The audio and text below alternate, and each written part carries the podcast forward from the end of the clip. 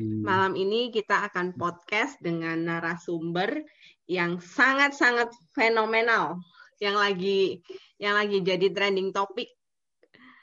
Nah, selamat malam Pak David, apa malam, kabar? Baik. baik. Lagi di mana nih Pak David?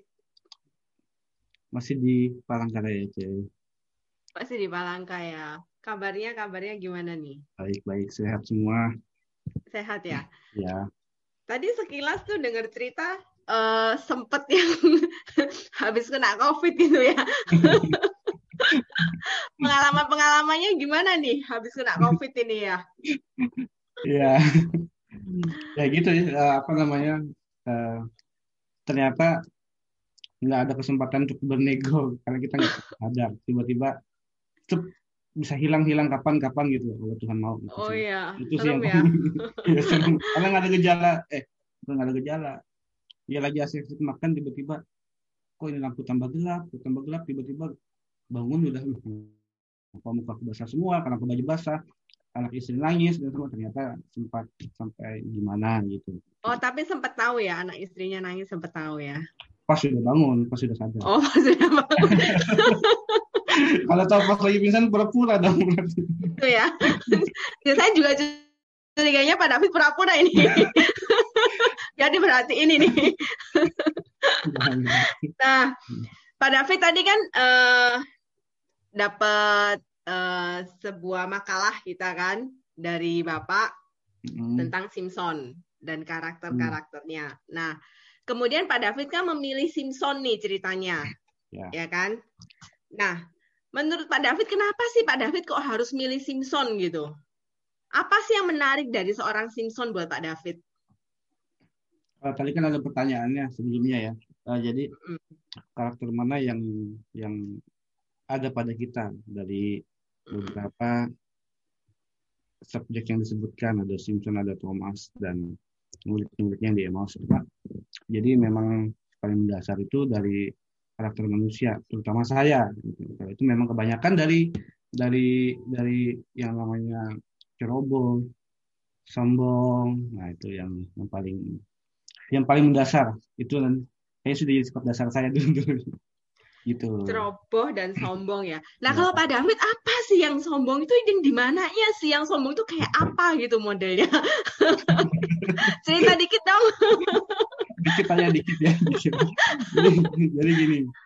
Eh, Soalnya gini kan, kalau kita ya. lihat dari profilnya Pak David secara secara teman atau gimana pun kan kita nggak mungkin bisa ngeliat nih Pak David ini sombongnya di mana ya. Tapi Pak David bisa menilai dirinya ini sombong. Nah, di mana sombongnya gitu? Kita mau tahu nih, mau kepo-kepoin dikit nih. Iya iya. Jadi gini, sebenarnya antara minder, sombong, sama percaya diri itu beda-beda tipis gitu Jadi arahnya nah, antara minder, sombong, sombong sama beda tipis. percaya diri itu beda tipis sebenarnya. Oh, gitu ya. Tinggal nanti dilihat, nah, contoh nih kayak saya nih, uh, sekian bulan, sekian tahun, sekian waktu, sekian lama, uh, seolah-olah uh, apa sih uh, merasa nggak layak itu kan itu uh, itu kayak minder kayak dan sebagainya terus dalam hal tertentu merasa percaya diri gitu kan jadi ketika ketika saya butuh uh, ketika saya berdoa sama Tuhan uh, mohon tuntunan kan nggak mungkin langsung Yesus yang turun ketemu sama kita kan kayak gitu jadi Tuhan mungkin bisa bicara lewat lewat orang tua, lewat sahabat, lewat teman, bisa lewat orang lebih tua atau yang lebih muda. Nah, jadi sombongnya ketika ini jujur jujur nih, sombongnya ketika misalnya ada ada orang yang yang yang yang kita kita rasa atau kita anggap ini orang di bawah kita misalkan gitu kan di bawah kita. Kenapa dia kok berani apa ngasih saran atau ngasih masukan? Dan kita nggak sadar padahal ketika ketika itu adalah merupakan uh, itu jalan Tuhan melalui orang itu mungkin pada saat itu tapi saya nggak sadar misalkan itu. Jadi mm-hmm. kesombongan itu titik titiknya adalah ketika saya minta tuntunan itu kesombongan itu adalah ketika pada saat uh, saya sudah meletakkan harga diri mm-hmm. saya ini padahal bukan bukan apa-apa gitu nah itu gitu ya Nah, tapi tadi kan sempat kita dengar sekilas nih dari uh, dari istrinya Pak David kan. Kalau seorang cewek itu kan boleh dong sombong ya kan? Pasang harga yang mahal gitu. Tapi tadi Pak David bilang ini berseberangan gini kan ceritanya. Nah jadi jadi gimana? Maksudnya kategori sombong ini kita boleh nggak boleh itu di mananya gitu? Kalau yang saya tangkap saya tadi gini. Kalau tadi saya bilang uh, kita harus ada karakter sombong gitu kan. Tapi penempatan ini dalam jadi gini terkesan sombong di mata orang tapi bisa jadi kita tuh nggak bermaksud tapi untuk menjaga diri. Gitu. menjaga diri menjaga diri untuk menutup diri gitu. Dari yang melewati batasan-batasan tertentu gitu. Ada patok-patoknya gitu kan. Mungkin dalam ya. hal-hal tertentu tertentu lah gitu. Nah jadi intinya intinya kita kita bisa sombong uh, maksudnya tapi pada tempatnya gitu ya. Mungkin menghadapi mungkin menghadapi ke kesannya kesannya sombong. Menghadapi sombong tapi sebenarnya nggak maksud gitu nggak maksud sombong ini saya kalau ngadepin orang sombong harus lebih ah. sombong lagi kita ya gitu ya. Ah, maka, maka maka saya bilang di awal uh, uh, apa namanya sombong sama percaya diri itu beda tipis. Tergantung yeah, yang yeah. gimana dalam kondisi apa penempatannya seperti bagaimana gitu. Sama tadi itu aku ada ada menarik kata-kata dari Pak David. Itu gini kadang-kadang uh, itu kan uh, kita itu merasa di atas dan kita itu tidak terlalu menghiraukan apa saran ataupun kata-kata yang diberikan oleh orang yang di bawah kita, yeah. ya kan? Nah, sedangkan uh, terkadang dan sering kali juga uh, kita bicara Tuhan pun dan uh, keadaan sekitar kita itu selalu uh, apa ya? Kadang-kadang lewat hal-hal kecil atau lewat orang-orang kecil itu kita malah diajarkan hmm. gitu kan. Nah, yeah. Pak David punya nggak pengalaman-pengalaman kayak gitu? Punya berapa kali malah sering. Jadi, oh ya? Bagi ya. dong ceritanya. jadi jadi gini, contoh aja hal, hal yang paling mudah kita paling dekat itu sama orang tua itu. Nah, kalau orang tua saya pernah menasehati dan sebagainya, ketika saya tuh lagi merasa uh, sedang sekolah, misalkan sedang kuliah, sementara yang ngomong tuh mama saya misalkan nih, saya tuh mama saya cuma lulusan SMA, cuma di satu apa di dua gitu keperawatan kalau nggak salah. Terus uh, tiba-tiba nasihatin, kamu tuh sekolah sampai harus sampai sini nanti tuh gini gini gini. Jadi waktu itu waktu itu jujur eh waktu itu kan zamannya jauh kayak langit dan bumi gitu kan jadi zaman penjajahan. Kita tuh di zaman sudah masuk ke zamannya milenial pada saat itu. Nah jadi waktu dapat nasihat-nasihat seperti itu saya enggak enggak enggak terlalu apa sih enggak terlalu nanggepin saya iya iya iya karena orang tua. Ternyata itu itu contoh itu contoh yang saya maksud. Nah jadi kejatuhan-kejatuhan itu kejatuhan itu juga ada sebenarnya dari situ karena saya tidak kayak nggak menghargai orang tua, tidak mengindahkan nasihat-nasihat orang tua. Ada sedikit persamaan dengan karakter Simpson yang tadinya tidak mendengar nasihat atau didikan ajaran dari orang tuanya, dilarang ini dan itu untuk menjaga kekudusannya dan lainnya sehingga dia uh, sampai bermain dengan perempuan-perempuan di Gaza pada zamannya sehingga dia mengalami kejatuhan akibat eh, apa namanya salah meletakkan kepercayaan gitu loh. Hmm. Walaupun pada saat itu eh, itu adalah apa ya eh, istrinya gitu. Tapi ada hal-hal tertentu yang memang pada situ sebenarnya orang itu sudah ditetapkan gitu. Itu kalau menyangkut ke, ke Simpson. Jadi kejatuhan itu sebenarnya waktu di pertama kali saya juga awal-awal dulu masih di komunitas kita ini dulu yang paling sering saya ingat itu adalah uh, kemiskinan dan cemooh itu mendatangkan apa sih kehancuran ya. Tapi dalam siapa yang mengindahkan ajaran dan didikan akan mendapat kehormatan atau ia dihormati gitu. Nah, itu yang paling itu pertama kali Perta, uh, bukan pertama kali sih beberapa kali awal-awal saya di hmm. saya dapat di poin di tempat ini gitu di komunitas hmm. ini di empat tahun lalu gitu itu sih ya. Hmm. Nah, terus tadi nih Pak David sempat cerita lagi nih, uh, salah meletakkan kepercayaan. Ya. Kita tahu salah nggaknya meletakkan kepercayaan tuh dari mana kita tahu salahnya? Ketika kita sudah dihianati. Jadi awal ini. gitu ya? Jadi gini. Apakah apakah pernah dihianati atau apa? Enggak, jadi gini. David pernah merasa dihianati kalau tadi, gitu maksudnya. Uh, gini gini, kalau konteksnya tadi gini, kalau saya bilang uh, saya melihat sedikit dari Simpson dan dari Dani dia tuh mungkin salah meletakkan kepercayaan atau apa. Karena awalnya sudah diperingatkan sama keluarga orang tua dan kerabat jangan ke sebelah sana gitu loh mainnya. Tapi dia tetap nyebrang ke suku yang lain kan. Akhirnya ditawan di suku sana gitu loh. Itu jadi kalau kita bicara konteksnya Simpson dengan konteks yang saya sampaikan ya pasti harus harus ada dua ini harus dua pemahaman sebagai apa dulu nih pemahamannya mau sebagai yang menyangkut saya pribadi atau si Simpson gitu Nanti kita boleh bahas dua nih, satu dari boleh. dari sisinya Pak David, Yo. satu dari sisinya Simpson ya. Ayo gimana ah. nih ceritanya?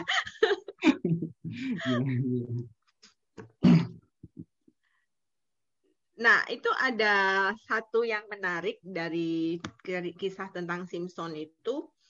Tadi sempat saya baca juga kan dari kisah-kisah Simpson itu tentang uh, uh, ini apa uh, betapa kuatnya dia kan dia tuh ya. seseorang yang memang di, diberikan uh, khusus sama Tuhan uh, benar-benar seseorang yang sangat kuat gitu kan nah menurut Pak David dengan kuatnya seseorang dengan kekuatan yang dikasih Tuhan ke seseorang itu uh, special gift ya istilahnya. Kalau misalnya di tempat kita kita selalu bilang special gift atau apa segala macam. Nah apakah itu bisa memberikan uh, satu peluang untuk kita bisa lebih sombong ataupun lebih arogan ataupun uh, ceroboh akhirnya gitu. Yang mengakibatkan akhirnya kehancuran. Nah, terus gimana caranya menurut Pak David supaya bisa lolos, supaya nggak ter, nggak terjatuh di dalam lubang-lubang seperti itu gitu. Ya. Kalau Simpson atau ada persamaan dengan kita, jadi kan memang kalau dari karakter Simpson, eh, karakter dari uh, Simpson ini sebenarnya sebelum dia dilahirkan, kita sudah semua tahu gitu kan, kalau bahwa Tuhan itu sudah melalui malaikatnya, dia sudah berbicara kepada Ibu Simpson nanti ketika anak ini lahir, jaga dia, jaga kekudusan dan segala perilakunya harus ditata gitu kan. Nah, tapi Simpson ini menyalah menyalah apa sih uh, uh, menyalahgunakan kekuatannya gitu loh. Jadi uh, memang ada ada dia tahu gitu loh bahwa dia ini dilahirkan khusus gitu loh. Pada akhirnya dia tahu maka itu dia merasa apa namanya lebih dari yang lain bahkan orang tuanya pun nggak nggak terlalu di di, dihiraukan ketika membeli peringatan, membeli nasihat, dia merasa kuat. Sebenarnya nggak boleh. Sebenarnya gini, kalau uh, kalau kita bicara bahas masalah ini sebenarnya uh, nggak ada hak untuk kita untuk melakukan kesombongan kalau itu punya Tuhan di atas atas kita gitu atas kuasa Tuhan. Tapi yang menjadi yang apa sih maksudnya uh, Simpson ini sendiri dia merasa, kayak saya bilang tadi uh, dia ini meletakkan harga, dia merasa mampu, dia merasa hebat, dia merasa segala-galanya gitu kan. Akhirnya dia berani sampai ke negeri seberang. Uh, kalau kita tuh sampai berani melakukan tuh hal-hal yang uh, di luar batas dari kemampuan kita, ternyata kita juga kejebak gitu loh di dalam itu karena kita tidak menjaga beberapa hal yang sudah dibatasi pada kita. Jadi bagaimanapun juga uh, sehebat-hebat apa pun ya nggak ada berhak sih, nggak bisa berhak kita untuk menyombongkan diri. Itulah kira-kira. Nah tadi apa Simpson ini kan dia akhirnya dia bisa terayu oleh seseorang perempuan ya kan? Akhirnya bisa kalah gitu kan? Nah menurut Pak David nih kalau misalnya ada seseorang datang merayu Pak David nih.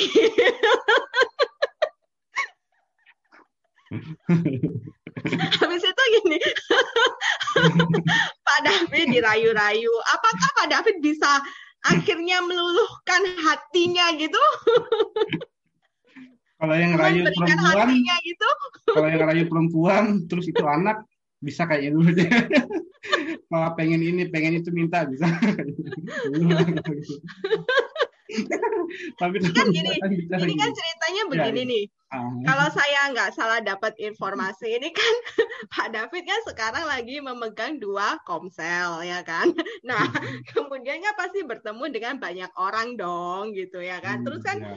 uh, uh, apa uh, ngajakin orang untuk gabung datang ke komsel ya kan paling nggak bersilaturahmi dengan mereka. Nah Pak David menurut Pak David nih kita kan tahu Simpson ini kan terjebak akhirnya kan, terjebak oleh rayuan seorang perempuan. Nah, bagaimana cara Pak David untuk menghindari hal-hal itu gitu? Ayo.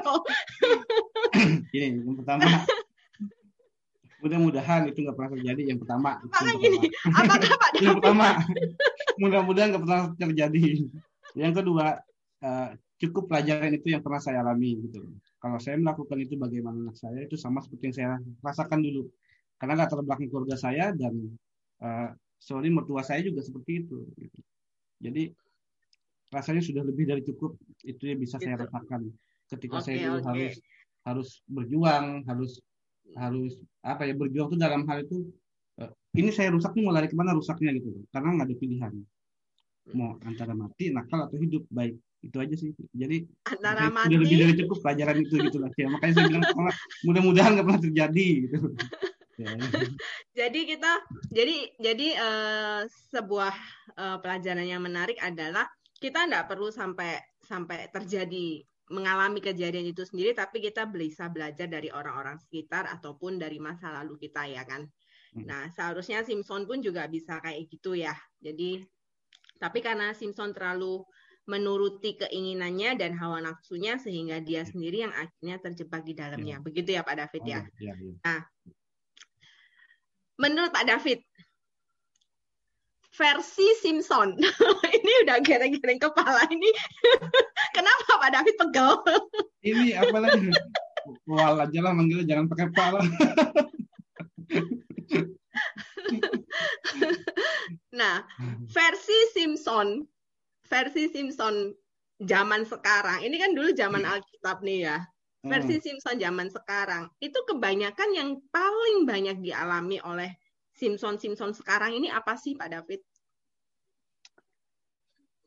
Merasa percaya diri. Terlalu pede gitu. Ya. Tetapi kan zaman sekarang ini kalau kita nggak pede, Gimana coba?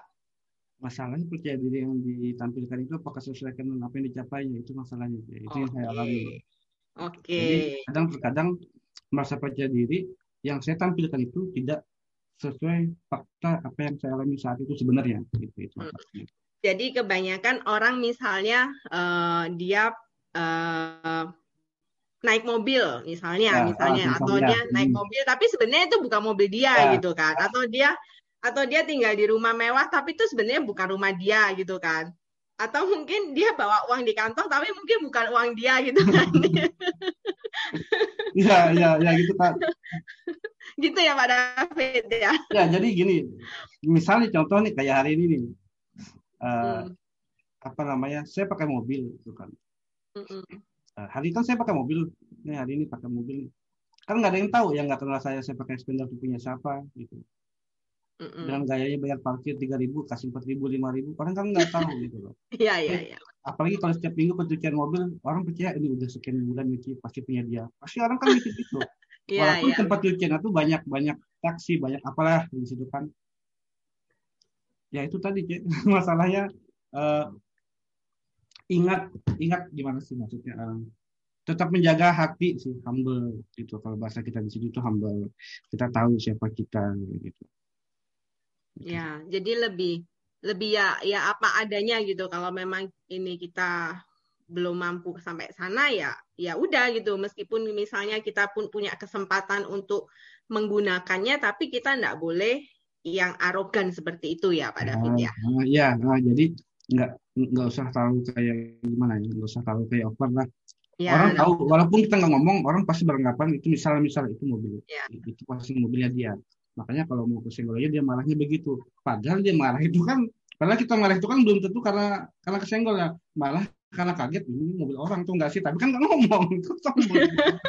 Jadi fakta yang ditampilkan itu nggak sesuai. Seolah punya kita, padahal bukan punya saya. Gitu. Mungkin saya lebih berjaga karena itu punya orang. Kan orang nggak tahu masalahnya. Iya, iya. Ya karena kan juga nggak dicek BPKB atau SNK atas nama siapa ya kan? Ya. ya, ya gitu. Paling-paling kalau karcis parkir hilang, baru dimintain ya SNK-nya ya. ya. Ya bisa kita bilang, kok namanya beda? Ya saya bisa kan, belum baik nama. Iya, iya, benar, benar. betul betul. Uh, karena kan banyak hal di zaman sekarang ini kan orang itu kan lebih mementingkan sebuah penampilan ya kan di zaman-zaman sekarang kan. Jadi banyak orang yang memang dia belum mampu sampai sana tapi dia selalu menunjukkan dirinya itu sudah mampu sampai sana ya kan. Jadi uh, lebih ke uh, maunya lebih pede, tapi ternyata kepedeannya itu sebenarnya bukan berasal dari diri dia sendiri atau kemampuannya dari dia gitu kan ya. Iya, nah, dia jadi dia dia kayak ngerasa berhasil dan percaya diri itu soalnya dia kelihatan berhasil. Ya. Nah, jadi nah. ya saya juga pernah alami itu, saya jujur saya pernah alami itu seolah itu seperti apa, tapi ketika ketika ada ada apa namanya goncangan sedikit aja udah rubuh, udah udah jatuh. Padahal seharusnya kalau sesuai ditampilkan goncang sedikit itu nggak apa-apa. Tapi ini roboh gitu lah. Jadi kan akhirnya kebukti sendiri gitu lah cik. Berarti nggak benar. Gitu. jadi bukan cuma miring tapi langsung ambruk ya? Oke oke Pak David. Kalau gitu uh, untuk sementara cukup sampai di sini nanti kita Masih. sambung lain waktu ya daripada nanti sakit Masih. kepala pusing lagi terima kasih Pak David selamat Terima malam kasih. Ya.